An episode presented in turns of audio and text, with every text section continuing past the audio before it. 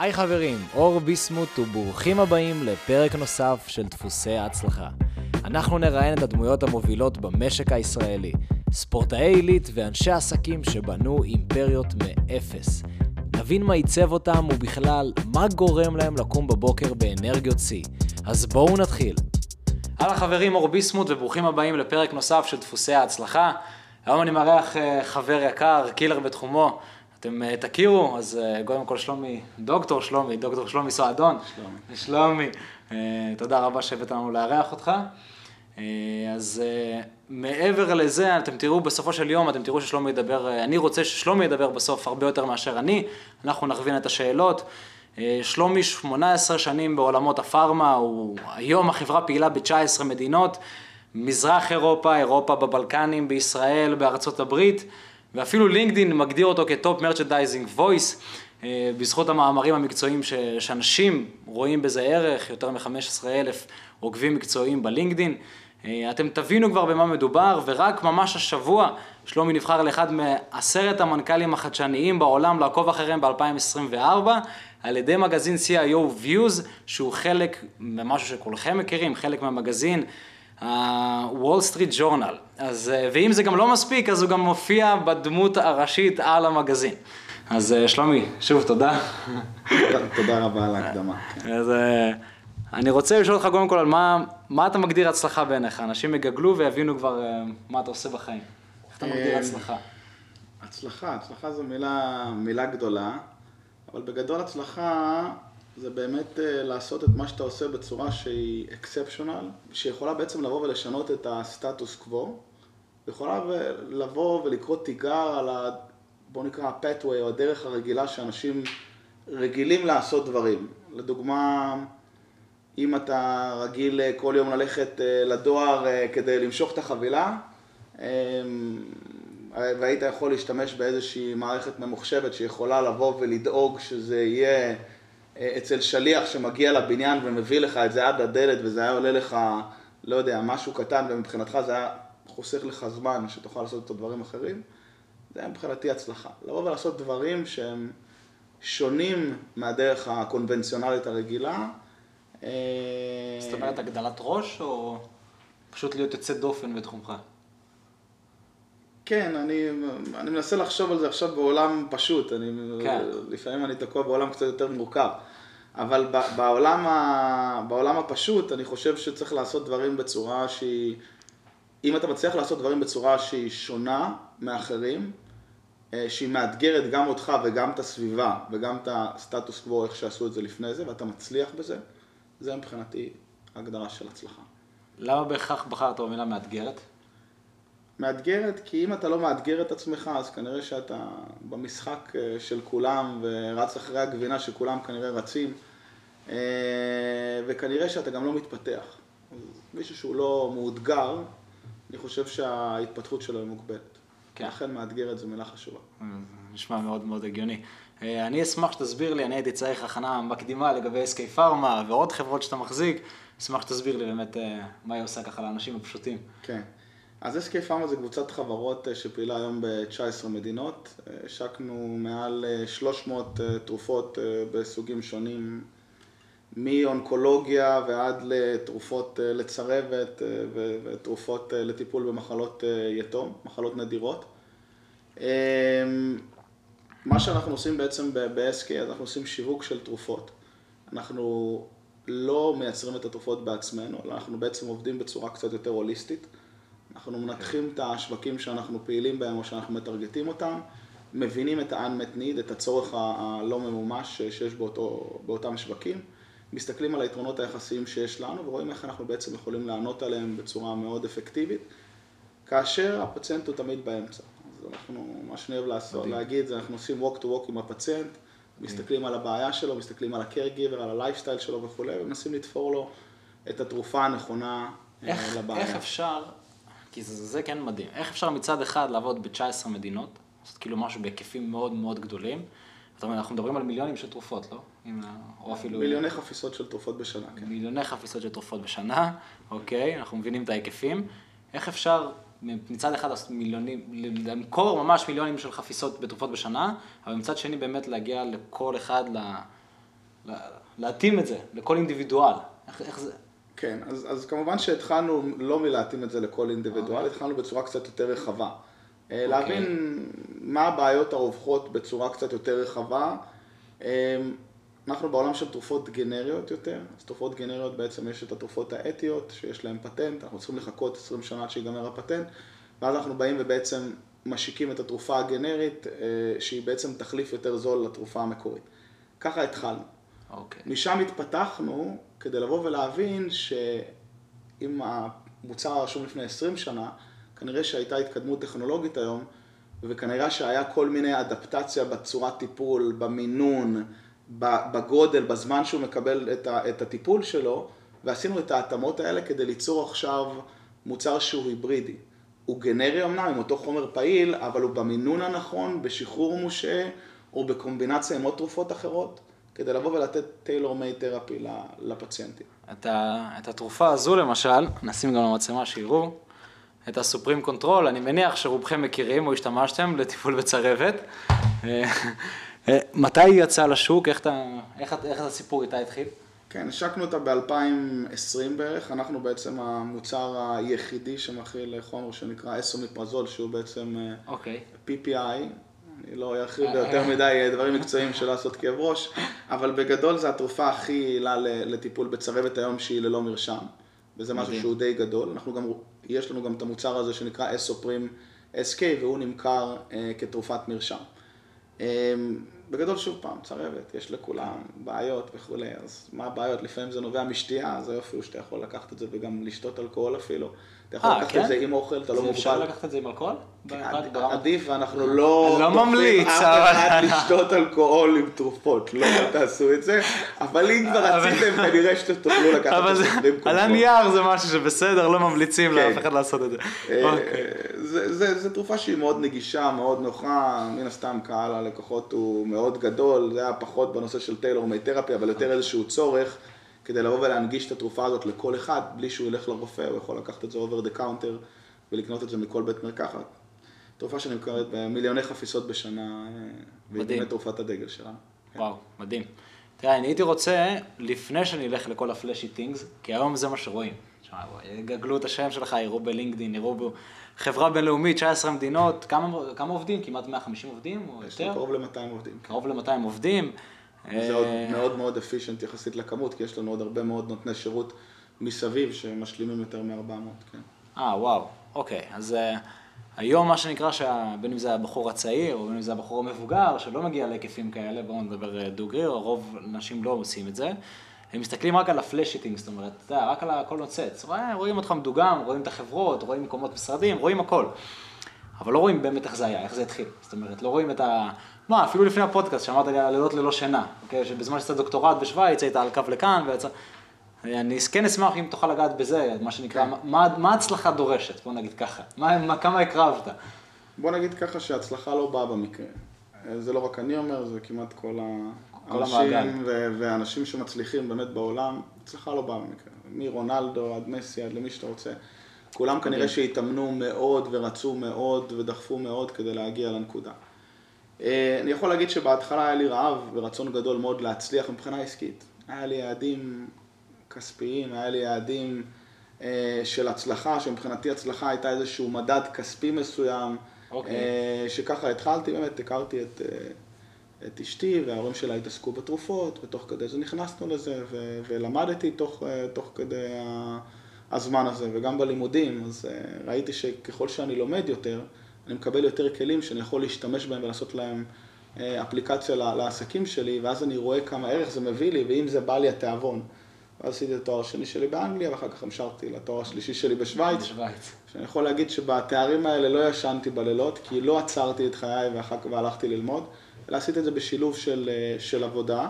המשכת לנהל עסק במקביל? המשכתי לנהל את העסק במקביל, המשכתי לנהל את החיים שלי במקביל, המשכתי לעשות את כל האורקסטרה הזאת במקביל. זה גזל ממני הרבה מאוד שעות שינה, שבסוף אתה צריך אה, אה, לעשות את הכל, וזה זה, זה כרוך בזמן, אבל הפשן שהיה לי וה, והפאן ומה שלמדתי והייתי יכול לבוא ולעשות אפליקציה לזה אחר כך, וראיתי את התרומה שזה יכול להביא, זה, זה נתן לי drive שאני לא יכול שאני לא יכול לתאר, וזה דחף אותי, דחף אותי קדימה. מטורף. ו... וואי, זה, זה מטורף כי היום אתה עדיין באותו drive או יותר, אין לי מושג. קצת כאילו- יותר. יותר, בדיוק, יותר. קצת יותר. אתה יודע, זה מצחיק, כאילו היה לך יעדים, טוב, אני מניח ששברת את היעדים העסקיים שהיו לך אז. כן. עם כל. הכבוד. די, עם כל הכבוד. החלפנו דיסקט החלפנו כן. דיסקט ליעדים אחרים. ומה עכשיו? כאילו, איך אתה מסתכל על זה? מה שומר עליך drive? כאילו, על אותו אז, drive? אז באמת החלפנו, אני אדבר עליי, כן? החלפתי כן. את ה mindset לחלוטין. מ mindset שהיה יותר חומרי ואיך אני יכול להצליח יותר ולהשיג יותר כסף אה, ולהתקדם יותר אה, אה, בחיים שלי, כאשר הכסף או הנושא הפיננסי הוא המדד להצלחה. כרגע המדד להצלחה שלי הוא באמת לה- להביא healthcare או רפואה יותר טובה לפציינטים ולעזור לכמה שיותר אנשים. אני רואה... מדהים. תוך כדי הג'רני שלי ותוך כדי המסע שלי, אני רואה ש, שאני, יש לי יכולות שהן מסוימות, שאני גם מגדיל אותן ומעצים אותן כל הזמן, לבוא ולתת רפואה הרבה יותר טובה. אני רואה הרבה מאוד לופ הול שיש בין הרפואה שיש היום לפוטנציאל שיש, ואני רואה גם את, ה, את הזווית הטכנולוגית שנכנסת פנימה, כדי בעצם לבוא וליצור כאן איזושהי אורקסטרה שיכולה לנגן ויכולה לתת לפציינטים הרבה יותר. כשאני נותן לפציינטים הרבה יותר ואני רואה את זה, מצילים אנשים והצלנו לא אחד ולא שתיים, הרבה הרבה יחסית אנשים, אה, או שאני משפר לאנשים את החיים שלהם, או שאני יכול לתת להם רפואה יותר טובה, ואני מקבל את הפידבקים האלה מהשטח ורואה אותם, זה עושה לי, אני לא יכול לא, להגיד, אפשר- מה, אפשר זה אי אפשר במילים, לתאר את זה, כן, זה משהו שהוא לא, שהוא, שהוא רוחני. זה עושה לי וואו. איזשהו עילוי רוחני כזה, שמבחינתי הוא שווה כל, כל דבר חומרי שחשבתי עליו לפני. וזה הדרייב. אז אתה חושב שהיעדים משתנים עם הזמן? כאילו, אחרי שאתה שובר יעד? בהכרח. בהכרח, נכון? בהכרח. והיעדים משתנים, הם לא משתנים במספרים. הם משתנים בעצם בצורת מחשבה. גם עם הזמן אתה גם לומד יותר, אתה נחשף ליותר. דברים, אתה יותר בוגר, אתה גדל יותר, אתה... יש לך כל מיני התחייבויות ו... ורצונות וצרכים, ו... והעולם משתנה טכנולוגית וכולי וכולי, ואז היעדים שלך מתחילים להשתנות. והיופי הוא שברגע שאתה מונחה על ידי למידה ועל ידי עבודה קשה, היעדים משתנים לצורה, אני לפחות רואה את זה, מאוד מאוד חיובית. וואלה. חיובית אוקיי. במובן של ערכים, חיובית במובן של אוקיי. לחזור חזרה כאילו אוקיי. למקורות שבאת בהם, למה? שהם בעצם ה-value שהצעיד אותך לאורך כל הזמן הזה. ואם אתה מסתכל על שלומי שהיה לפני זה, אז כאילו בלי כסף גדול, בלי עסקים גדולים וכולי וכולי, היית... הייתי, אז, אז גם כשהייתי צעיר, תמיד היה לי איזשהו drive אה, להצלחה, שחלק ממנו גם לא מוסבר אולי. כן. אה, כשהייתי בן, לא משנה, שש, אימא שלי שלחה אותי עם חמישה שקלים ללכת ולקנות אה, ארטיק, אה, אז בגן העיר, בבת ים אגב. בבת ים. בת ים במקור, כן. בת ים. אה, כן, דוקטור מבת ים, זה נחמד. זה נחמד, כן. זה נחמד. תגיד למורה שלי, כנראה שהיא תגיד לך שיש חלליות שעוד רגע. ינחתו, ענק. ואנחנו חיים בירח, אבל מה לעשות, אני עדיין מעריך כל דבר שהיה שם. נתנה לי חמישה שקלים, אמרה לי, "אה, לך תקנה ארטיק. הלכתי לקנות ארטיק, עמדתי בתור, והיה איזה אוטו גלידה כזה. ואז ראיתי נשים מדברות, כאילו שעמדתי בתור, אמרו, וואי, זה גז לנו, זה עולה שלוש שקל, בקיוסק זה עולה רק שקל וחצי, ארטיק כזה, ואמא שלי, "תגיד, חמישה שקלים. ואז אמרתי שזכרתי שלפני שבוע הייתי עם אבא שלי בחנות ליד הבית, שהם מוכרים ארטיקים בסיטונאות, ואותו ארטיק עלה 70 אגורות. והייתי צריך ללכת עשר דקות כדי להגיע לחנות הזאת, וראיתי שגן העיר היה מלא אנשים, כי היה בדיוק חג פסח, ומצאתי את עצמי חוזר עם החמישה שקלים, קונה ארטיקים, וחשבתי בדרך שאני אקנה עוד ארטיקים ואני אמכור לאנשים, ולא רק שהם לא יצטרכו לחכות בתור, אני אלך עד אליהם ואביא להם את הארטיק, ואם הוא מוכר בשלוש שקל, אני אמכור בשתיים וחצי. וזה בדיוק מה שעשיתי. ומצאתי את עצמי הולך וחוזר משהו כמו איזה שמונה פעמים או שבע פעמים, והייתי ילד בן שש, אפילו עד שנהיה קצת חשוך. ואז חזרתי לאימא שלי עם שטר של 200 שקל, אמרתי לה, אני. רוצה שמחר, אני רוצה. שמחר נקנה בגדים. אז היא הסתכלה עליי והתחילה לצעוק עליי, מאיפה הבאת את הכסף הזה, מי הביא לך מה אותו? אתה אומר? אמרתי לה, אמא, זה. מה שעשיתי. קרא לאבא שלי והסבירה לו את הסיפור, הם הסתכלו עליי ככה, אומרים לי, אוקיי, אוקיי. אלה טוב. ואז אמרתי לה, אבל אמא, לא 200 שקל, תביא לי 50 חזרה. היא אומרת לי, למה? אמרתי לה, כי אני רוצה לעשות את זה עוד הפעם, ויכול להיות שאני אמצא מקומות. היא אמרת לי, אבל אין עוד חגים. אמרתי לה, אבל אני זוכר שהלכנו לים ביום שישי ושבת, היה שם גם הרבה אנשים, אז אני אעשה את זה שם. אז היא הביאה לי את זה. אז היה לי את היצר. הזה של, ה... של וואו. לעשות עסקים או לייצר ערך. שם היזמות התחילה, זה מדהים, אתה כן. עדיין זוכר את זה, מה? אני- אני זוכר את זה כמו אתה- אתמול. אתה זוכר את זה כמו אתמול, מדהים. גם כשהייתי בן 14, אז עשיתי, לא משנה, דיסקים, הייתי צורב דיסקים מספר אחת.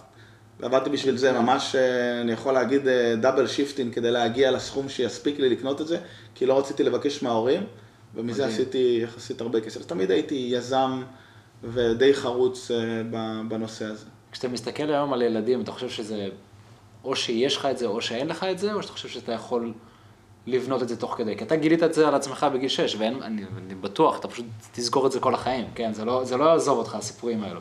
בגיל 6, בגיל 14, אתה חושב שזה משהו שאנשים יכולים לפתח בעצמם, או שזה... יש גם איזה משהו מולד עם כל הכבוד, כי... אני חושב, שזה, אני חושב שזה שילוב, אני אסביר גם כן למה. אני okay. לא אוקיי. באתי ממשפחה של אנשי עסקים אה, דגולים. אה, המשפחה שלי הייתה משפחה ממוצעת פלוס, לא יחסרו מאיתנו כלום, הכל היה לנו, הייתי מאוד שמח בחלקי. אה, היה לי עדות גם מאוד טובה, הכל היה מדהים. אבל לא, אף פעם לא דחפו אותי ליזמות, או... ודווקא הפוך, בגלל הקומפורט שלי גם לא נדחפתי לשם.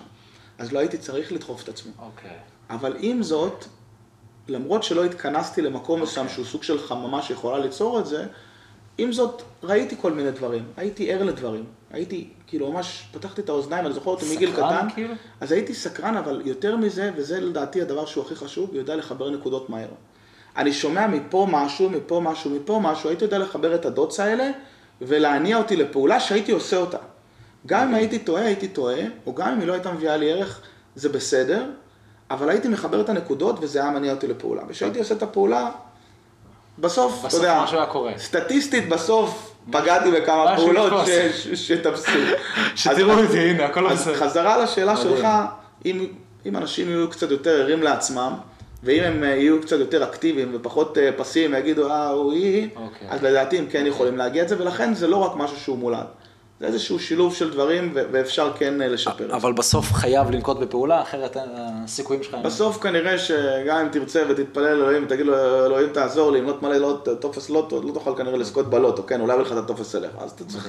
אתה צריך לעשות פעולה. מדהים, כן. אתה צריך לנקוט בפעולה. אוקיי, אני, אני רוצה לדבר איתך רגע אחד על רפואה, רפואה מותאמת אישית. תראה, אני לא גאון בענף שלך, אני לא מבין כלום בענף שלך, עם כמה שזה מרתק, אבל אני כן יודע שזה מאוד טרנדי היום. זאת אומרת, אנשים מדברים על זה, אני רואה כתבות על זה, אני רואה פרסומים על זה, ואני יודע ש, שמעבר לזה שאתה חבר שלי, אני יודע שאתה מאוד מאוד מאוד תותח בתחומך, ואם אפשר להגיד, גם מספר אחד בארץ, כאילו, עם כל הכבוד. לא להיות. בסדר, אני, אני יודע את זה, אבל השאלה היא, איך החברה שלך תוקפת את זה? כאילו, איך, איך אתם מסתכלים על זה היום? כן, okay. אז רפואה מותאמת אישית, או במונח היותר מקצועי, זה precision medicine. Okay. Okay.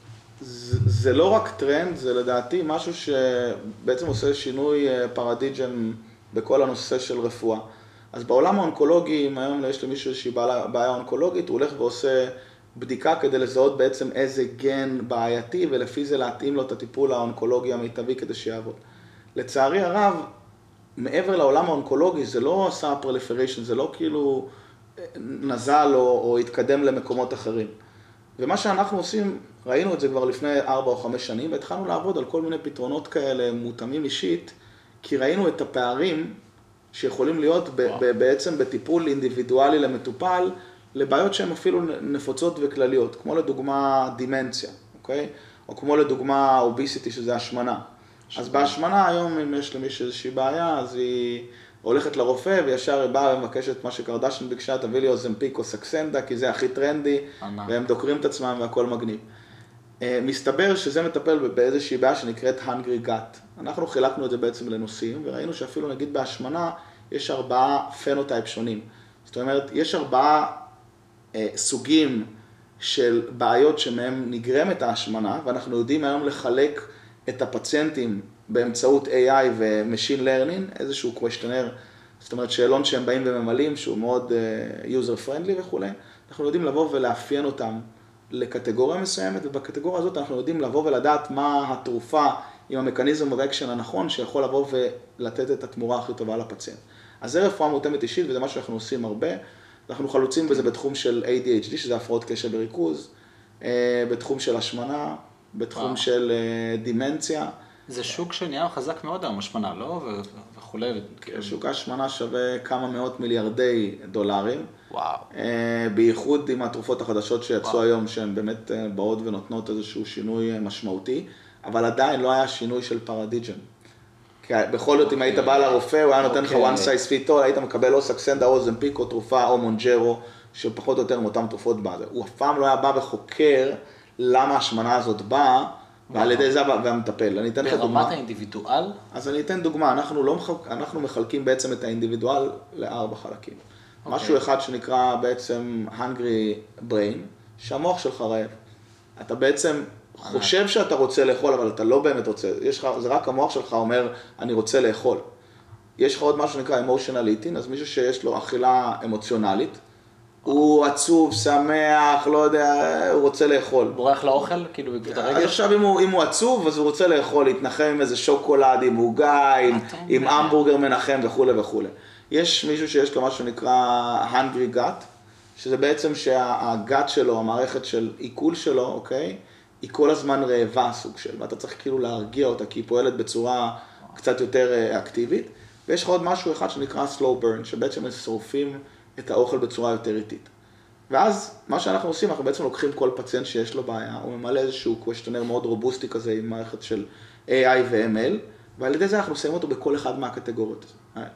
ואז כל אחת מהקטגוריות האלה יש תרופה שונה שמטפלת בבעיה האינדיבידואלית הזאת. ולכן התמורה, או לצורך העניין, בסוף התוצאה שהוא מגיע אליה, היא פי שתיים או פי שלוש יותר טובה, מאשר שהוא ילך לרופא והוא ייתן לו one size fit all, אוקיי, קח מונג'רו, זמפיקו. אז זה בעצם משהו שנקרא precision medicine. אתה בא ועושה רפואה מותאמת אישית, tailor made, לפציינט, על פי כל מיני פרמטרים שהם מדידים, ומחבר לזה בעצם תרופה שעובדת לפי אותו מנגנון פעולה. אה, מדהים. זה איפה- בגדול. איפה אתה רואה את העתיד של התחום הזה, של רפואה מותאמת אישית? אני חושב שרפואה מותאמת אישית תיגע בכולם. וואו. אם אני מסתכל עכשיו בעוד 20 או 30 שנה קדימה, אני חושב שזה יהיה במחלות לב, בסכרת, אנחנו כבר עכשיו דרך אגב עושים את זה במחלות לב, מתחילים כבר אה, לחקור את זה, בסכרת, בכמעט כל דבר שקיים.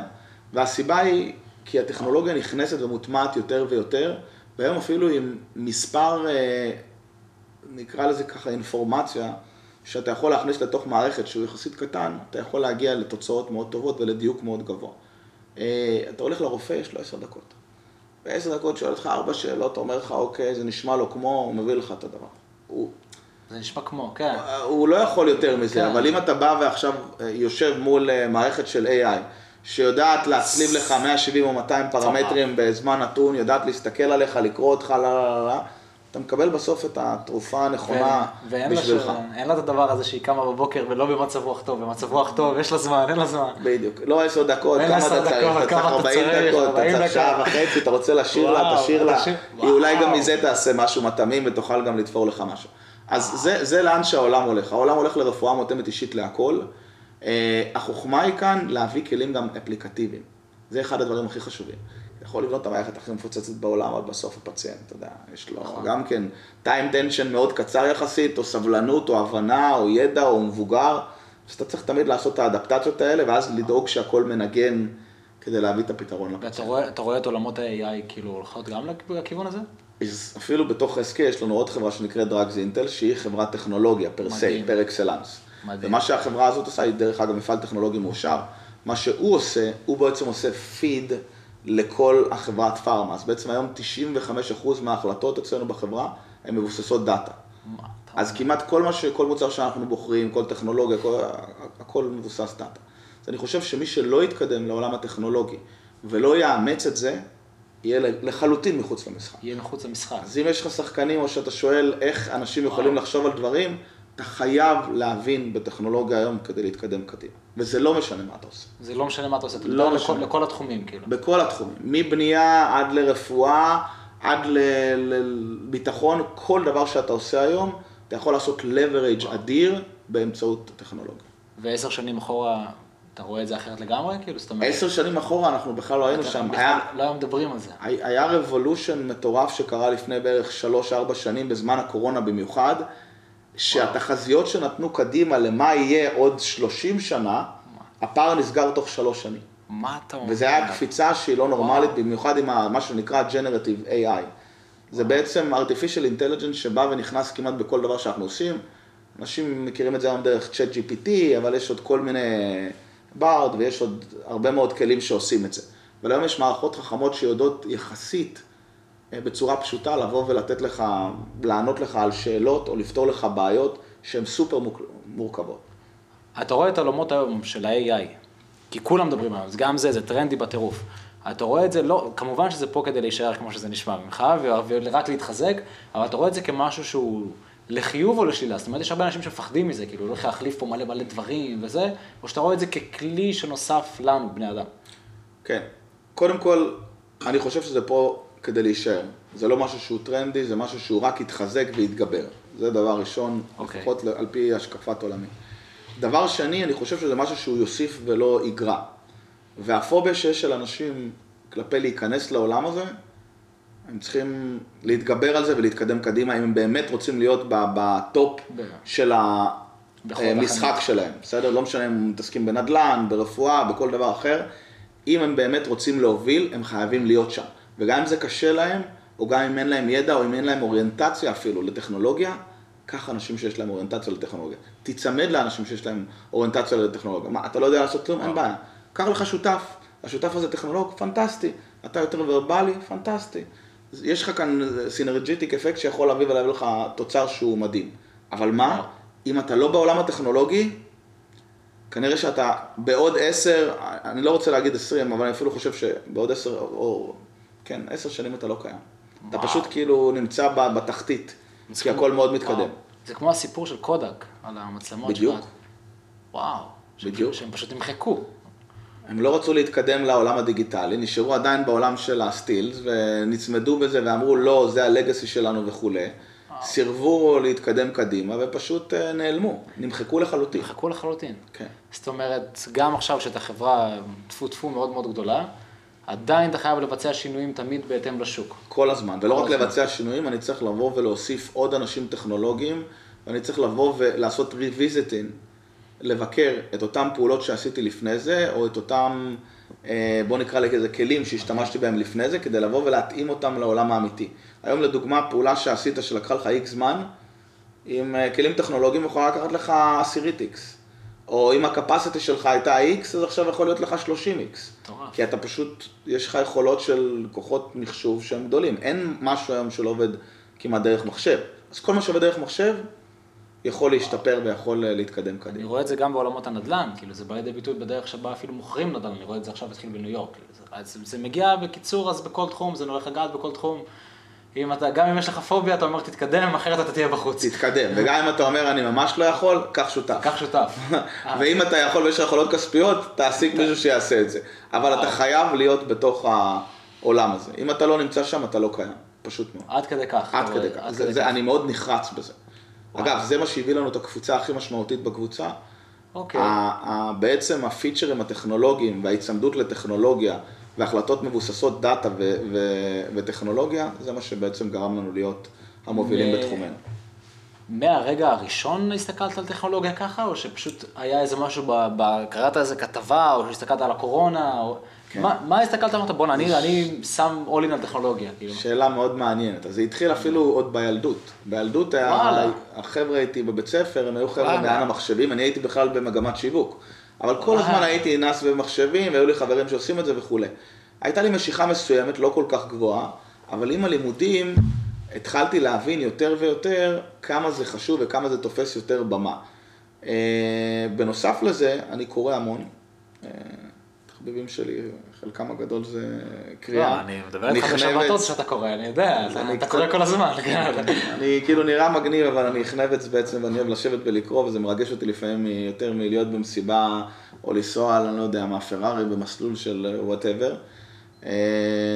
ועם מדהים. הקריאה רואים שיש את המוטיב החוזר הזה, של עוד פעם טכנולוגיה ומה אפשר לעשות עם טכנולוגיה, ואתה קורא ורואה איזה דברים מדהימים מוציאים עם זה, ואתה מבין גם את ה computer power מול בני אדם. היום יש לך יכולות הרבה יותר גדולים מאיינשטיין, אז איינשטיין היה גאון, וואו. אבל היום יש לך כלים שהם. גאונים לשירות אה, בקליק, שאתה יכול להשתמש הוא היה בהם, גאון לא? אה, לתקופתו, זאת אומרת, עכשיו יש כבר כלים ש... וואו. שהם יותר. שהם יותר. כן, כן, כן. זה, טוב, האמת שזה מטורף, כאילו, אתה יודע, אני מסתכל, מה, מה, מה נותן לך את היחס התחרותי היום, כאילו, אתה אומר טכנולוגיה? כאילו, מה דרך היתרון אז תחרותי, ה-value כאילו, proposition שלנו, היתרון היחסי שלנו זה שבאמת, אחד, טכנולוגיה, אני אגיד את זה שזה בראש גלוי, זה הדבר זה- זה המרכזי. ה- שתיים, אוקיי. אנשים. מאוד מאוד סלקטיביים בבחירת אנשים, אוהבים לקחת באמת את ה stars. בסופו. של דבר 20% מהאנשים יביאו לך 80% מה output, והכוכבים באמת הם אלה שייתנו לך את ה output הכי גדול, מנסים למצוא את הכוכבים. גם אם לוקח זמן, גם אם אתה כל הזמן בא ומגייס וכולי, אתה מחפש את האנשים שהם הם באמת כוכבים בתחומם, ויש להם פחות או יותר את אותו DNA. שגם יש להם את הדרייב, יש להם את הרצון להתפתח, יש להם את, ה, את התשוקה למה שהם כדי עושים. כדי לשמור על חברה מסוימת, על אנשים מסוימים? הבעיה שאם אנשים שהם לא עם הדפוס הזה או ה-DNA הזה נכנסים לתוך ארגון כזה, הם נפלטים מהר מאוד החוצה. אוקיי. מהר מאוד החוצה. כי הם רואים אותו בתור משהו שהוא מוזר. כן, ווירדו כזה, מסתכלים על זה, הם לא יודעים איך כן. לאכול את זה. מצד שני, או שהם מרגישים מאוד לא טוב, כי הם לא התקדמו מספיק, והם לא תרמו מספיק, או שבאים אליהם בטענות, או שהם לא הגיעו ליעדים, ל-KPI שלהם. ואז זה מהר מאוד בא לידי ביטוי. ולכן, בתוך ארגון כזה שצומח כל כך מהר, והוא כל כך uh, דריבן, האנשים שם הם, הם עם אותו DNA, אם לא אי אפשר. אז אנחנו כל הזמן מחפשים. הדבר השני הוא אנשים uh, סופר איכותיים. דבר שלישי זה מתודולוגיה. אנחנו באמת עובדים לפי מתודולוגיה סדורה, uh, שאנחנו ממש מסתכלים עליה כמו, כמו תורה. צ'קליסט מדהים. מסודר, KPI, מה, מה הטרגטים שאנחנו צריכים להשיג, איך אנחנו עושים את העבודה שלנו גם. ביזנס אתיקס, האתיקה המקצועית זה סופר חשוב לנו. אנחנו לא נעשה עסקים בכל מחיר, ולא נעשה את זה בשביל כל גרוש. אנחנו נעשה את זה כי אנחנו נשמור על הערכים שלנו, והערכים שלנו זה אחד הדברים שהם הכי חשובים, שאנחנו לא נוכל ולא נזוז, וזה בא מהנהלה למטה, לא נזוז מהם סנטים ולא משנה בשביל איזה עסקה. זה, זה מ-A to Z, זאת אומרת, השמירה על הערכים זה כאילו... השמירה על הערכים זה בא מהבית אפילו, מה אתה אומר? דרך כל המסע שעברתי בחיים ודרך באמת העבודה וההבנה שבעצם ערכים זה הדבר הכי חשוב שיש, כי תמיד אתה תיקלע לסיטואציות כאלו או אחרות שינסו לערער לך את הערכים. ובסוף, אם אתה נצמד לערכים. האלה, זה משהו ששומר עליך ושומר על השם שלך. כמו אוקיי. שרשום בתנ"ך טוב שם משמן טוב, זה שומר על השם והרפיוטיישן שלך, ואם אתה פה כדי להצליח ולטווח ארוך, אתה לא פה כדי לעשות איזושהי זבנג וגמרנו, מדהים. אז כנראה שערכים זה דבר שהוא מאוד חשוב. אתה אומר לטווח הארוך, כי אנחנו פה לריצת מרתון. מדהים. אני מסתכל על מה שאתה אומר לגבי אנשים. אם אני מצליח לזקק את זה ממה שאני מבין, זה לגייס לאט לאט לאט, אבל בצורה מושכלת, כאילו בצורה מאוד מושכלת, אפילו לחפש את ה stars ולפטר מהר. הייתי אומר, הייתי קורא לזה לעבוד בצורה qualitative, בצורה איכותית ולא כמותית. אוקיי, כי אתה לא רוצה, אתה צריך להבין אוקיי. שגם המערכת היא מערכת שכשאתה קולט אנשים ומפטר אותם, זה לא טוב לארגון. זה לא טוב לאנשים שבארגון, זה לא טוב לאיך שאתה מתקבל בחוץ, כי אותם אנשים אוקיי. שנפלטים לפעמים מדברים, אתה רוצה לשמור על. reputation גבוה. לכן דווקא הייתי אומר לשים דגש הרבה יותר גדול על הגיוס המדויק, גם אם הוא לוקח זמן, וגם אם הוא יותר איטי, וגם אם כמותית הוא יותר נמוך, זה יהיה שווה. לפעול בצורה הזאת, ולא בצורה של טוב, זה נראה לי טוב, אני אקח אותו ונראה כבר מה יהיה, לא. אך ורק לנסות ולקחת את ה stars כמה שאפשר. כמובן, stars בכל אחד, במה שהוא עושה. נכון. אפילו מישהו שמכין קפה יכול להיות star. נכון. כי הוא בא ועושה את זה עם תשוקה, והוא מבין בקפה, מדהים. וכשהוא עושה את זה, יש לו התרגשות שהוא עושה את זה. אתה לא צריך להביא סטאר עכשיו שהוא פרופסור איינשטיין, הכל תלוי פעולה שהוא צריך לעשות. כאילו. כן. לפי הגדרת התפקיד. כן, כן. הבנתי, אם יש לך הגדרת תפקיד X, נתתי דוגמה לאיש בקפה, שזה הכי פשוט שיכול להיות, אבל יש כאלה שאתה אומר, תשמע, הבחור הזה נולד לזה. כן. אז כן. אותם אי אפשר לוותר עליו בת- בתחום אותם הזה. אנחנו רוצים, אותם אנחנו רוצים. מדהים. או בסופליי צ'יין שהבחור מדקלם לי בלוגיסטיקה, הבחור מדקלם, חי לו, מבין מה כן. קורה, חוטים, ים סוער, אה, מחירי תובלה, לא, לא, לא, זה מה שהוא עושה כל היום. הוא לומד את זה כל היום, הוא חוקר את זה, זה מעניין אותו, זה מגניב לו. זה מישהו שאני רוצה בארגון שלי. מדהים. כי אני יודע שהוא חי את מה שהוא עושה והוא ה master. ואם אני צריך משהו, לא אני כמנכ"ל יכול אפילו להבין, אני בא אליו, הוא ה master שלי. הבנתי. הוא יגיד לי מה אני צריך לעשות. אין במשחק הזה אגו. אתה בא ורואה מי שאין, אפס אפס אגו. אפס אגו. מדהים. השם המשחק פה זה עבודת צוות. מדהים. שהמשחק זה הוא בעצם sum of parts. לחבר את כל החלקים ולראות איך כל החלקים האלה וכל האורקסטרה הזאת בסוף מנגנת ומביאה לך את המנגינה שהיא הכי יפה שאתה יכול לשמוע. וזה לא משנה אם אתה מנצח, מדהים. או בטרומבון, או, או לא יודע. מה, או בוויולט. בסוף. אתה רוצה לשמוע את המנגינה בסוף איך. אתה צודק לגמרי. יפה, כי בסוף לא משנה כמה מנצח טוב, אם מישהו, אם האחרים מפקששים, מה זה לא רלוונטי כמה הוא מספיק טוב. אפילו שתיים או אחד. שיעשה לך עם הטרומבון, יעשה לך פתאום רעש, שהוא ידפוק לך את כל ההצגה, אז כאילו, מדהים. כנראה אז הכל חייב שלא לעבוד עשית. בסינרגיה מושלמת. כן. ולכן אה, חשוב... כמה שיותר קרוב לשלמות. כמה שיותר קרוב, לשאוף.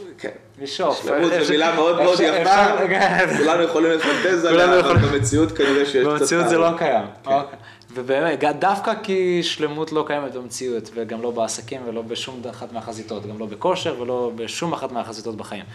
איך אתה תוקף אתגרים? כי אתגרים אני מניח שתוקפים אותך כל יום, וגם כל החיים. כן, בתחילת הדרך, אז, אז האתגרים, ובוא נקרא לזה, הקשיים, היו קצת יותר גדולים. מן הסתם, תמיד כשאתה מתחיל, זה כמו באופניים, אתה נופל כאן, נופל כאן, בסדר.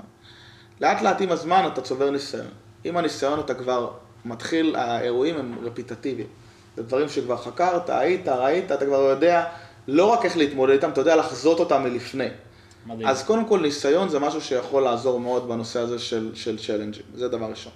דבר שני, צ'לנג'ים זה דברים שאני רואה אותם בתור דברים שהם חיוביים, אוקיי? כשהם באים ברמה מסוימת ואני אסביר. כשיש לך צ'לנג'ים זה תמיד בא ומערער לך את הסטטוס קוו. וזה תמיד בא ושומר אותך בפיקוס מסוים. Okay. אוקיי. כי אתה תמיד רוצה לדעת שאתה, אתה יודע, אתה לא עושה את אותם דברים והולך בקו ישר, כי אתה יכול, אם עשו שם בור, ואתה רגע, אתה תיפול פשוט בבור, כי אתה לא ערני למה שקורה. אז הצ'לנג'ים האלה משאירים אותך ערני זה אחד. שתיים, דבר שהוא לא פחות חשוב, כל בעיה, אפשר להסתכל עליה כבעיה, אבל היא בעצם לא בעיה, היא הזדמנות. כי אם אתה נתקלת בה והיא בעיה, בוא תראה איך תוכל ליצור ממנה ערך מוסף, או בוא תראה אם מצאת פתרון שהוא יצירתי, איך אחרים יתמודדו איתו, ואולי יש לך פה איזשהו מוצר שאתה יכול להוציא. או אולי מהבעיה הזאת, הבעיה הזאת מגלה על איזושהי בעיה יותר כללית, והיא בעצם מהווה הזדמנות. אז אני תמיד אוהב להסתכל על בעיות בתור הזדמנויות, ואני מחפש אותן דרך אגב. וואלה. לא מחפש אותן כי אני כן. מחפש בעיות, ברור, אבל ברור. כשאני רואה בעיה אני אוהב לעצור רגע ולחקור אותה יותר לעומק, ולהגיד, מה, פה יש פה איזושהי הזדמנות, בוא נסתכל על זה קצת בצורה קצת שונה. יש לך איזה דוגמה מסוימת שעלתה לך, אולי בקורונה, עם חברות תרופות, לא יודע. יש לי, יש לי אין סוף, אין, אין סוף דוגמאות. כמעט כל בעיה שיש לנו, אני, אנחנו תמיד מנתחים אירוע בצורה מאוד מסודרת, אבל לא רק מנתחים, מפיקים קדימה. מנתחים, מבינים את הגורמים ש, ש, שיצרו את הבעיה הזאת, רואים את הכשלים שהיו, רואים איך אנחנו בעצם נפלנו או התמודדנו עם אותו בעיה, מדהים. ורואים איך אחרים בשוק עשו את זה, ואז עושים כל מיני שינויים על מנת לפתור את זה, ומהשינויים האלה נוצר לנו מוצרים. חדשים שהשקנו בחברה. אה, נוצרו לנו הזדמנויות כי הבנו שהבעיה שאנחנו נתקלנו בה, גם אחרים נתקלו נתקלו בה. ואז באנו ועשינו שיתופי פעולה עם הפתרון שאנחנו באנו והצענו. יש כל מיני מכלול של דברים ש, שקרו, שהובילו בעצם ליצירת ערך מאשר, זאת אומרת, היה החסרת ערך בטווח קצר, אבל היה יצירת ערך לטווח ארוך. ולאורך הזמן היה יצירת ערך. כן. וואו, אוקיי, זה, טוב, זה מרתק. תראה, הייתי רוצה לגעת איתך דווקא, כי אני, יודע שאתה מתאמן כל יום, אוקיי? אתה חבר שלי, אני יודע את זה, וגם זה ניכר לעין. איך, האם אתה רואה שזה עזר לך גם בדברים מסוימים בעבודה, זאת אומרת כושר? כי אני, אני מכיר כאילו אנשים שמרוויחים כסף מאוד יפה, שהם כאילו לא מטפלים בעצמם בשום צורה בקטע הזה. זה, זה, זה נותן לך אולי איזה שקט נפשי, או, או מה... כן, ספורט... איך אתה מסתכל על ספורט? ספורט זה דבר שהוא מאוד מאוד חשוב לי, והוא חלק מה, מהחיים שלי, הוא חלק מה-DNA שלי. אז אני משתדל באמת להתאמן כל בוקר. לפחות שש פעמים בשבוע, בוא נגיד את זה ככה. שזה כל בוקר די. כן. שזה כל בוקר. אה, אני משתדל להתאמן בבוקר. כשאני אה, מתאמן אוקיי. בבוקר, אוקיי. אז בעצם אני מתחיל את היום שלי, וזה לא משנה אם ישנתי באחד בלילה או שתיים בלילה, וזה לא משנה אם שתיתי איזשהו משהו שהוא נחמד, או אוקיי. כל דבר אחר, אני עדיין שומר על רוטינה של להתאמן כל בוקר. עכשיו, כשאני מתאמן בבוקר, זה קודם כל מסדר לי את היום. מסדר לי את הראש, זה משחרר לי דופמינים, זה גורם לי להיות בשייפ, להרגיש טוב גם כן חיצונית, אבל גם נפשית, זה מנקה לי קצת את הראש, תוך כדי זה אני חושב גם כן על המטלות של היום, חושב על הדברים שאני צריך לבוא ולהתמודד איתם, אה, פורק, בואו נקרא לזה ככה, קצת לחצים, בסדר? אה, פורק אנרגיה, לוקח גם כן כל מיני אנרגיות של פרה-וורקאוט אה. וכאלה, כמובן דברים שהם בריאותיים וטובים. שאתה יצרת אותם? לא, לא, לא. לא. אנחנו לא מייצרים הכל. ומיד אחרי זה מתקלח, מתלבש ובא עם אנרגיות צי למשרד, גם מרגיש טוב, גם נפשית, גם פיזית. ופשוט בא ונותן עבודה. גם מקרינים את זה החוצה, לא? מקרינים את זה לחלוטין החוצה, אתה בא, רואים שאתה שרפ, רואים שאתה בא עם מוטיבציה, רואים שאתה בא אנרגטי, אנשים כולם מקבלים את האנרגיה. בסוף, אנרגיה, ואמרה לי את זה מישהו מאוד uh, יפה, uh, אנרגיה היא 70 אחוז. זאת אומרת, מילים, מישהי שאני מאוד מעריך, uh, מנטורית, טוענת שמילים זה בעצם 10, יש להם משקל של 10 אחוז, במה הבן אדם עושה. אוקיי. Okay.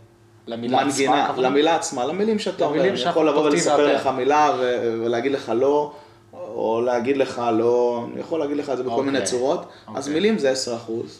מנגינה זה 20 אחוז. זה מה שתיארתי מקודם, אני יכול להגיד לך לא, ואני יכול להגיד לך לא. אוקיי. זה כאילו מקבל איזושהי הניואנס צורה שונה. כן. או שאני יכול להגיד לך לא. אני אגיד לך לא, כמו חברי כזה. אז הלא מקודם זה אה. חסם אותך, והלא החברי הארוך הזה זה כאילו היה מגניב כזה. המוח אוטומטית כאילו. גם אצלי פירש את זה מיידית, כל אחד ממה שאמרת בצורה בדיוק, כי. זה המנגינה. כן, אז אוקיי. מילים 10 אחוז, מנגינה 20 אחוז, איך אתה אומר את המילים, ו-70 אחוז זה אנרגיה. וואלה. 70 אחוז זה אנרגיה, ואז זה אומר שאם מישהו בא עם אנרגיות חיוביות, וואו. בא אנרגטי, בא מזמין, בא עם מוטיבציה, הוא מניע את כולם לפעולה, ובמיוחד שהוא לידר, במיוחד שהוא מנהיג, במיוחד שהוא מנכ"ל. איך אתה מסתכל על זה היום בתור. מנכ"ל? מה, מה, באמת, מה משמר אותך היום בתור מנכ"ל? איך אתה רואה את זה קדימה? מה, מה עוזר לך להשתפר בתור מנכ"ל? אז, אז מנכ"ל זה מילה יפה, זה בדיוק מה שאני עושה עכשיו, שאני עובר בטרנספורמציה מלהיות מנהל טוב או מנכ"ל, ללהיות מנטור. כי מדהים. באמת הטרנזישן הזה של לעבור מלהיות מנהל ולנהל אנשים ללהיות מנטור, זאת השאיפה, וזה בדיוק ה pathway וזה בדיוק הדרך שאני הולך אליה.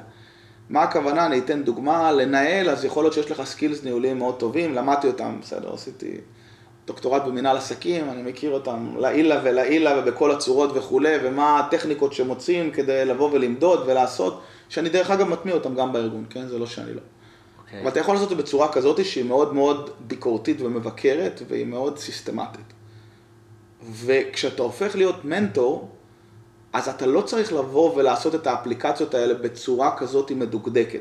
אנשים מסתכלים עליך, מדהים. רואים מה אתה עושה, איך אתה עושה, מה אתה משדר, מה האג'נדה, ופשוט אוהבים את מה שאתה עושה ומנסים לחקות את זה כדרך חיים.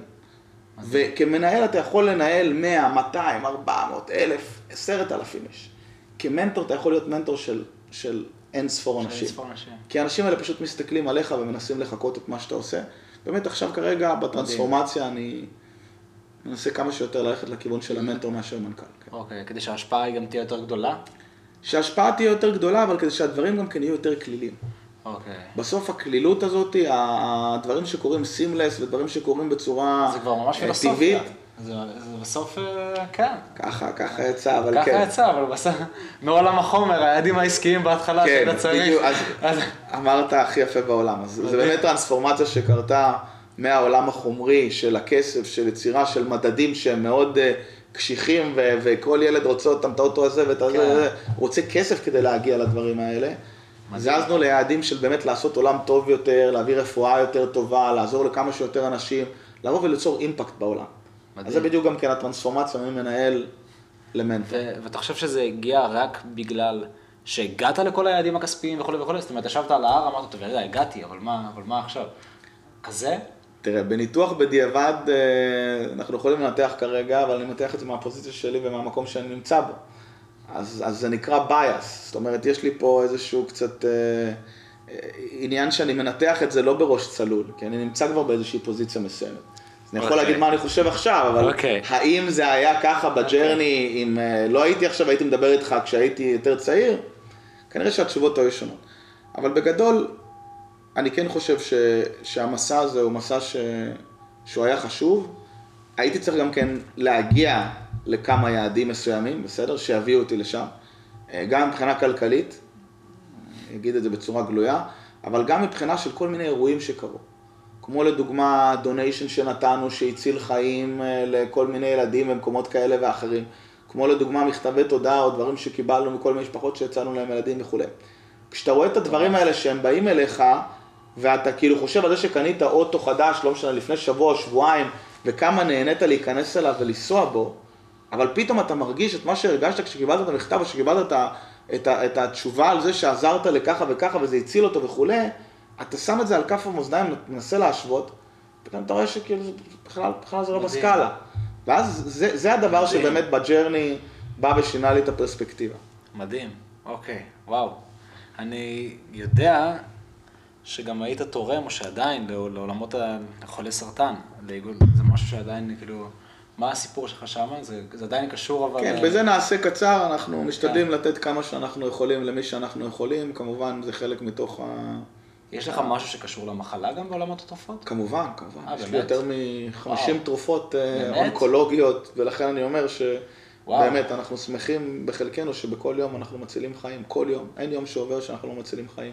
ושהתרופות שלנו לא מצילות חיים זה... ונותנים לאנשים זה, חיים. זה מדהים. זה זה, אז אם אתה חושב מה. מה יכול לתת לבן אדם דרייב, אז שיש לך כזה דבר מול כסף, כן. זה מתגמד. עכשיו, תשאל בג'רני, הייתי צריך לרשום את כל התרופות האלה, אז הייתי צריך לעשות אותם אולי מדברים קצת יותר בסיסיים, כדי להתקדם ושאני ארוויח יותר כסף, ואז אני אוכל לרשום את התרופות גם כן המצילות חיים האלה, אוקיי. ואז שהם יהיו בשוק והם יצילו אוקיי. את החיים, ואת... אוקיי. זה איזשהו מסע כזה שאתה עובר אותו. שהיית חייב לעבור שהיית אותו. שהיית כנראה כדי... חייב לעבור אותו כדי להגיע לשם, כן. וואו. מה הטיפ ברמה העסקית או האישית שקיבלת בחיים שהיה ממש ממש טוב? נשמע לך מאוד מוזר, אבל בחיי למדתי יותר מה לא לעשות מאשר מה לעשות. כשהייתי צעיר יותר, מדהים. היו לי אנשים, היו לי אנשים מדהימים שהיו סביבי, אבל בעולם העסקי מדהים. יצא משהו, אנחנו לא נרחיב בשמות, אבל שהייתי ליד מישהו מסוים, שעשה את כל הדברים בצורה מאוד עקומה. ומה שעשיתי זה, המשפט שהיה לי ממורי אבי בראש, מכל מלמדיי השכלתי, ממש ניגן לי בראש. שצריך ללמוד מכל אחד. ואז מה למדתי ממנו? למדתי ממנו מה לא לעשות. איך לא לעשות דברים. איך לעשות אותם הרבה יותר טוב. אה, וזה היה איזשהו משהו שאני זוכר שלקחתי איתי, שאמרתי ככה אני לא אהיה וככה אני לא אתנהג ואני אתנהג הרבה יותר טוב ככה וככה וככה. אז דווקא למדתי הרבה מאנשים מה לא לעשות. ודרך זה, ואני גם אגיד מאיפה זה בא, זה בא, למדתי מה לא לעשות, אבל היופי הוא שבסוף אתה צריך לעשות את הדנט שלך. יש לך את הריקוד שלך שהוא ייחודי לך, עם הסטייל שלך, עם הצורה שאתה בא ועושה בעסקים, שמונחית על ידי הערכים שלך וכולי. אז כשאתה לומד מה לא לעשות, אתה כבר מנטרל הרבה מאוד מהלא טוב, ואתה משאיר לעצמך את העולם הטוב, okay. אוקיי. ואז אתה בא ונותן לך את הבמה לבוא ולעשות את הדברים כמו שאתה חושב שהם נכונים, אוקיי? Okay. אוקיי? Okay? ובצורה ובייחודיות שלך, וזה משהו ש... וערכים כמובן שקיבלתי מהבית וכולי, זה דברים ש... שעזרו לי. אז אתה נכנסת לזה בדלת אחרת, נכנסת לזה בדלת של... אה, אני קודם כל, טוב, את זה אני לא אעשה, טוב, את זה אני לא אעשה, טוב, את זה אני לא אעשה, אז נשאר לך פשוט רק טוב, ואז אתה צריך לבדוק איזה סוג של טוב אתה צריך לעשות, בגדול. אה, אפשר להגיד, אפשר, אפשר להגיד, כן. אותו בן אדם היה קצת אה, פחות טוב בהרבה מאוד דברים, אז הוא עזר לי מאוד לעשות אלימינציה, ואז נשארתי במשהו... אז כן. פשוט פעלתם שם. ואז נשארו לי דברים שהייתי יכול לעשות שהם היו טובים, ולאט לאט. אבל עוד פעם, הרבה מוטיבציה, אה, הרבה הבנה שאם אתה לא בא ועושה ו- ו- ופועל ומתמקד במטרה, אז אתה לא יכול להשיג. דברים לא באים משום מקום, דברים באים מעבודה קשה, באמת. וזה כבר קיבלנו בתנ"ך וזה עובד. וזה עובד. בזיעת אפיך תאכל לחם. אתה יכול להיות יותר מתוחכם, פחות מתוחכם, אבל עדיין, אתה תעבוד יחסית קשה. גם מישהו שהוא סופר מתוחכם, או סופר חכם, אני לא יודע מה. הוא עדיין, כדי להגיע לשם, הוא עושה הרבה מאוד פעולות. הרבה מאוד פעולות, הרבה מאוד לימודים, הרבה מאוד זמן הושקע. הוא השקיע, הוא עבד כדי להגיע לאן שהוא הגיע. מדהים. זה הטיפ שלי. היו פה כמה משפטים חזקים מאוד שהבאת מה, מהתורה בפרק הזה. מה, יש, יש זיקה למסורת או שאתה פשוט אה, כן. בקיא בעולם? לא, יש זיקה בסיסית, אני לא איזשהו כן. חסיד או משהו בסגנון, אבל uh, מהבית uh, אנחנו מסורתיים, אז גדלתי עם אבא שהיה הולך לבית כנסת, אז הייתי הולך איתו גם בימי שישי. נשמע שאתה מביא את זה גם לעסקים, אבל כן, ערכים מסוימים. בתורה יש הרבה מאוד חוכמה, הרבה מאוד חוכמה. אני אוהב לפעמים ללמוד משניות גם עם... אה, באמת? בזמנים מסוימים, כן, כי חוכמת התורה היא חוכמה שהיא לא, לא נתפסת בעיניי. במיוחד הם ידעו את כל הדברים האלה כן, לפני כל כך אלפי שנים. אני תמיד מופתע מזה. ושכל דבר שאתה רוצה לשאול, יש קושייה שכבר דנו בה ויש לה פתרון, שגם לא היה להם את כל, לא היה להם מערכות כן, של צ'אט GPT לשאול אותו, אבל עדיין התשובות שם. אז זה משהו שמרתק אותי ואני, ואני נמשך אליו. אה, ותורה היא בסיס של ערכים. וערכים זה אחד הדברים הכי חשובים לי בכל מה שאני עושה בחיים. בין אם זה בביזנס, בין אם זה בחיים הפרטיים וכולי. ערכים זה הבסיס, זה הקור. והתורה מתחברת לעסקים, ומשם באמת בא החיבור. איפה אתה מסתכל על SK פארמה? עשר שנים הקדימה, עשרים שנה קדימה. אה, קודם כל בעולמות, אז בעולמות של פארמה, אנחנו רושמים בערך משהו כמו 30 תרופות חדשות כל שנה. וואו. שזה די, אה, די משמעותי, אנחנו מתכוונים להגדיל את זה וואו. גם כן, אה, ואני מקווה מאוד שנעשה את זה. מובילים בעולם הטכנולוגי ושל precision medicine, אז רפואה מותאמת אישית זה משהו שהוא, שהוא סופר חשוב, אנחנו משקיעים בו הרבה מאוד כספים. כל משהו שקשור ל-patient centric approach, זאת אומרת, שמים את הפציינט במרכז ובונים מסביבו את אותו עולם אה, רפואי שיכול להיות לו הכי טוב, אם זה מבחינת דיאגנוסטיקה, מבחינת טיפול שהוא מותאם, מבחינת תרופות, מבחינת איך הם יגיעו אליו. אה, אז באמת, פתרון הוליסטי. ששם את הפציינט במרכז, אז שם אני חושב שאנחנו באמת אה, נוביל. זהו. כל החיבור של טכנולוגיה ופארמה, זה, זה באמת המקומות שאנחנו, שאנחנו נוביל בהם. גם נבחרנו אה, כן. ב-2022 לחברה הישראלית אה, בתחום הפארמה המצליחה ביותר, מספר 10 בכל התחומים, אז אה, וואו. שאנחנו עושים דברים... מדהים. לא אז- כנראה, כן, כנראה שזה בסדר, כנראה מה שאתה עושה עד היום. כנראה שהכיוון הוא חיובי. כנראה שהכיוון הוא טוב, רק צריך להמשיך ויותר חזק. מדהים, אוקיי. ואתה עדיין שומר על אותה רמת מוטיבציה, אם לא יותר. כמו שאתה אומר, יותר אפילו. אז אני אומר שיותר. אני אומר באמת שיותר. דרך הקריאה, דרך החשיפה לעוד דברים, דרך עוד מוצרים שיוצאים החוצה, דרך עוד אימפקט שאנחנו יוצרים. אמ, שאלה שמסקרנת אותי עכשיו ברמה אישית, האמנת אי פעם שתגיע להיקפים האלו? כן. כן? ללא ספק? כן. מדהים. כשהייתי צעיר ידעתי את זה. נכון? ידע- ידעת ידעתי, את זה. כן. לא, לא, מרגיש לי הגיוני, כן. ידעתי שהייתי צעיר, היה לי יעדים, אני זוכר אפילו את החברה לא שלי. הטלת בזה ספק, נכון? לא- לא היה שום אני ספק. יכול להעלות לך עכשיו את החברה שלי כשהייתי בן 13, אתה קוראים לה אומר. הגר במקרה, אני יכול להרים טלפון ולשאול אותה, אתה תשאל לי, תגיד לך. כן. שלומי אמר שיהיה לו ככה וככה כשהוא יגיע לזה וזה וזה וזה, וזה יעדים שבתור ילד שמתי ופשוט אה, התקדמתי להם. מדהים. אני- בצד אגודל. מדהים. אני אני שואל את זה כי הרבה מאוד מהצופים יהיו גם בפריפריה ויראו את זה, ויש להם הרבה מאוד חלומות, אני מקבל על זה מלא פידבקים על כל, על כל פרק. המון. אז אני באתי מבת ים, בדיוק. אני יכול להגיד, לא באתי מ... לא מרמת אביב, בת ים, ולא מאף מקום, כן. באתי מבת ים. לא. כל הכסף שעשינו, את ההצלחה הזאת עשיתי בעבודה קשה, ובאמת, ב- בהתמקדות במטרה ובעשייה. הדבר הכי חשוב שאני יכול להגיד, אין דבר שבא משום מקום. צריך לבוא ולהשקיע, לקבוע יעדים מסוימים, לראות את הדרך, לשרטט את הדרך. לא צריך שהדרך תהיה מושלמת. אתה לא צריך גם להיות פרופסור כדי לבוא ולשרטט את הדרך. אתה צריך שיהיה לך איזה שהם יעדים רחוקים כאלה, ותראה איך אתה מתקדם לעבר המטרה. מדהים. ועוד משהו אחד, ידע זה כוח. צריך לצבור ידע. וזה לא משנה מה בן אדם עושה, הוא צריך להתמקצע, לבחור משהו אחד ולהיות הטוב של הטוב במה שהוא עושה, ואם זה מצריך לימודים, אם זה מצריך קורסים, אם זה מצריך כל מיני פעילויות מדהים. אחרות. העלית. לי משהו שצף לי דווקא כי אתה חבר שלי ואני יודע שאתה בעולמות הפארמה, אני, משהו שאני אומר לך באמת מכל הלב, אתה ספץ, כאילו, הכוונה, אתה לא מזיז את העין, לא שמאלה, לא ימינה, וממש אפילו שאלתי אותך גם פעם, כמה פעמים, אני זוכר בעבר, לך, בוא'נה, אתה, לא, כאילו, אתה לא, מס- לא מסתכל ימינה שמאלה, גם בהשקעות שלך בנדל"ן, גם בזה, יש לך חברים שתותחים בזה, יש לך, אתה כאילו, אני מומחה בזה, בזה אני רוצה להיות הכי, הכי, הכי, הכי, הכי, הכי טוב. כאילו, ממש רק ממוקד. גם בזה יש לי פילוסופיה מאוד ברורה, ואני זה, אומר, זה באמת תחזק, מרתק. אני אומר, תחזק את החוזקות שלך, אוקיי. אל תחזק את החולשות שלך. אם היה ילד שהיה לו 90, זה- 80, 80, 80, 90, 90, 100, ואז הוא הביא פתאום, ב, אני לא יודע, בלשון 40. האמא אמרה, אוי ואבוי. לקחה אותו ל-40 למורות פרטיות, השקיעה בו זמן, טה טה טה טה טה טה. הפילוסופיה שלי לא. מדהים. כזאת. בוא נראה מכל הדברים האלה, איפה יש לילד 100. בחשבון, מדהים. אני רוצה שיהיה לו 130. אני רוצה שהילד הזה יהיה גאון במה שהוא עושה. אז. בגדול הפילוסופיה שלי אומרת, תחזק את החוזקות שלך. תתמקד בעולם אחד שאתה מבין בו מאוד, תהיה הגורו שלו, תוביל אותו, וככה אתה תגיע לגדולות. ברגע שאתה תתחיל להתפרס ליותר מדי אזורים, אתה מחלק כוח. אתה מחלק כוח, אז אתה יכול להיות עם הבנה בסיסית בהרבה דברים. זה מה שאתה רוצה, זה, אתה יודע. לא זה עושים- בערך לא נחלת, זה? נחלת הכלל. בדיוק. אתה רוצה להיות עכשיו מישהו שהוא באמת מוביל בתחומו, תתמקד במשהו אחד, תהיה הכי טוב של הכי טוב, ואם אתה חושב גם שאתה טוב, אתה עדיין לא טוב מספיק. אוקיי. תמיד תדחוף את עצמך עוד ותלמד. אוקיי. מדהים. המידע הוא אינסופי. מדהים. אז אה, המידע האינסופי, הוא באת לענות לי על השאלה שרציתי לשאול, מבחינת ידע, כי אתה עדיין לומד. זאת אומרת, אני מדבר איתך בשבת, אתה קורא, אתה לומד, אתה כותב מאמר, אתה, אתה מתעסק עדיין בזה, למרות שאתה אוטוריטה מאוד רצינית בתחומך. זה פשוט כי אתה מבין שהמידע הוא אינסופי, כאילו מה... אז קודם כל המידע הוא. אינסופי, יש התקדמות טכנולוגית והתקדמות בכלל. scientific שהיא מאוד גדולה, אז אתה צריך להיות up to date ולראות מה קורה.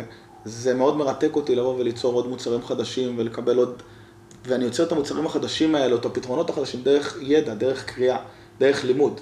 אני לא וואו. יכול להביא אותם רק מהראש שלי, וגם אם יש לי איזושהי תיאוריה בראש, מיד אחרי התיאוריה אני הולך ללמוד. אני הולך לקרוא כדי להצליב את זה. וכל מה שאני קורא ומצליב זה דרך מאמרים מקצועיים שכבר חקרו את זה ברמה של אוניברסיטאות, אבל אני בעצם לוקח את זה מהאוניברסיטאות ל- לעולם האמיתי. אז אתה זוקף הרבה לזכות הידע? הרבה לזכות הידע? המון לזכות הידע.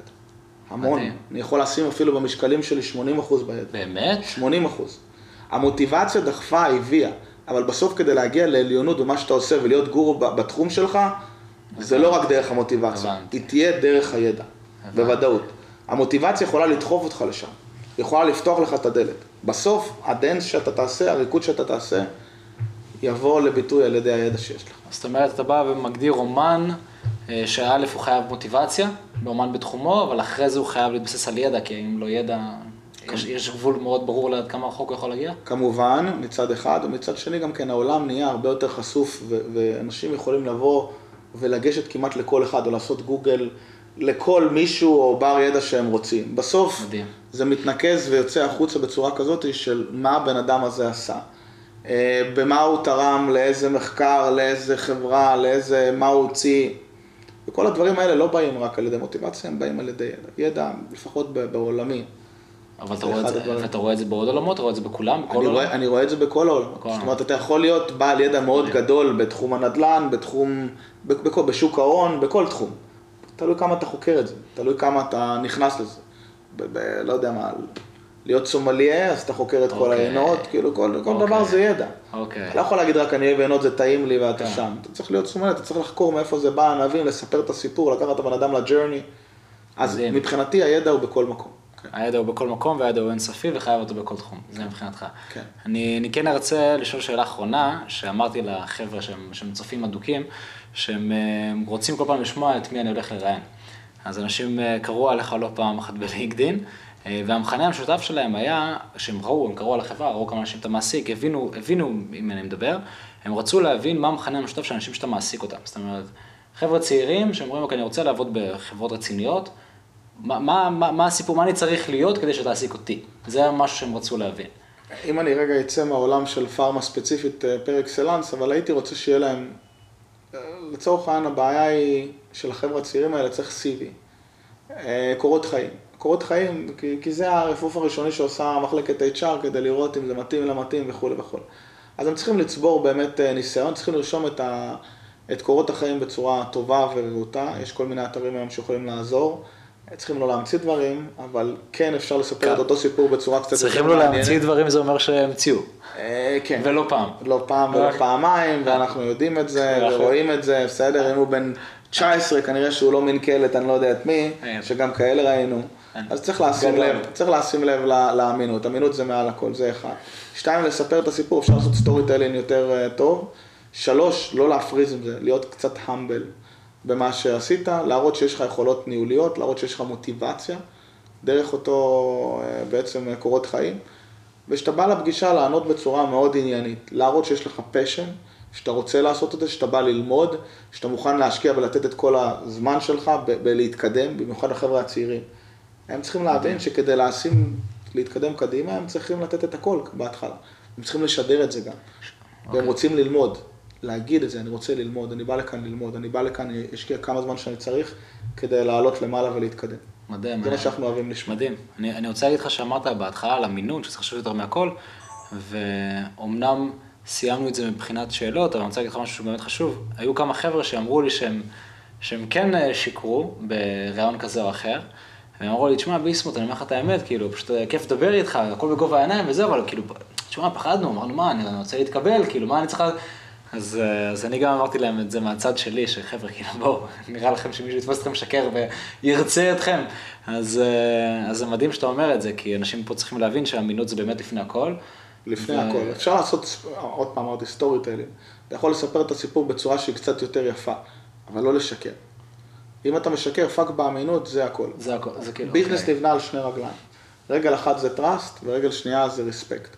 מדהים, זאת אומרת, אמון ו- ו- וכבוד. מדהים. אמון זה אם אתה מאמין בבן אדם כן או לא, בסדר? וכבוד זה אם אתה מעריך מקצועית את התרומה של אותו בן אדם לארגון שלך. זה, חקרו את זה בהרווארד למשך 14 שנה וניסו אה, לבוא, כן, כן, וואלה. אז אני אסביר. זה בא ממחקר מהרווארד שניסו לפרק business ולהבין מה ה fundamental שהוא עומד עליו. הוא עומד על שתי רגליים. trust, respect. בסדר, זה הכול. מדהים. אז, אז ברגע שיש את שני הרגליים האלה, אפשר זה אומר שאפשר. לעשות עסקים עם אותו בן אדם, בן אדם, חברה, זה לא משנה מה, אבל כן. מדהים, אוקיי. טוב, האמת שזה היה ממש ממש חשוב, זה גם יצא מזה, יצא מזה גם רילס, כי יש הרבה אנשים שהיו רוצים לשמוע את התשובה הזאת.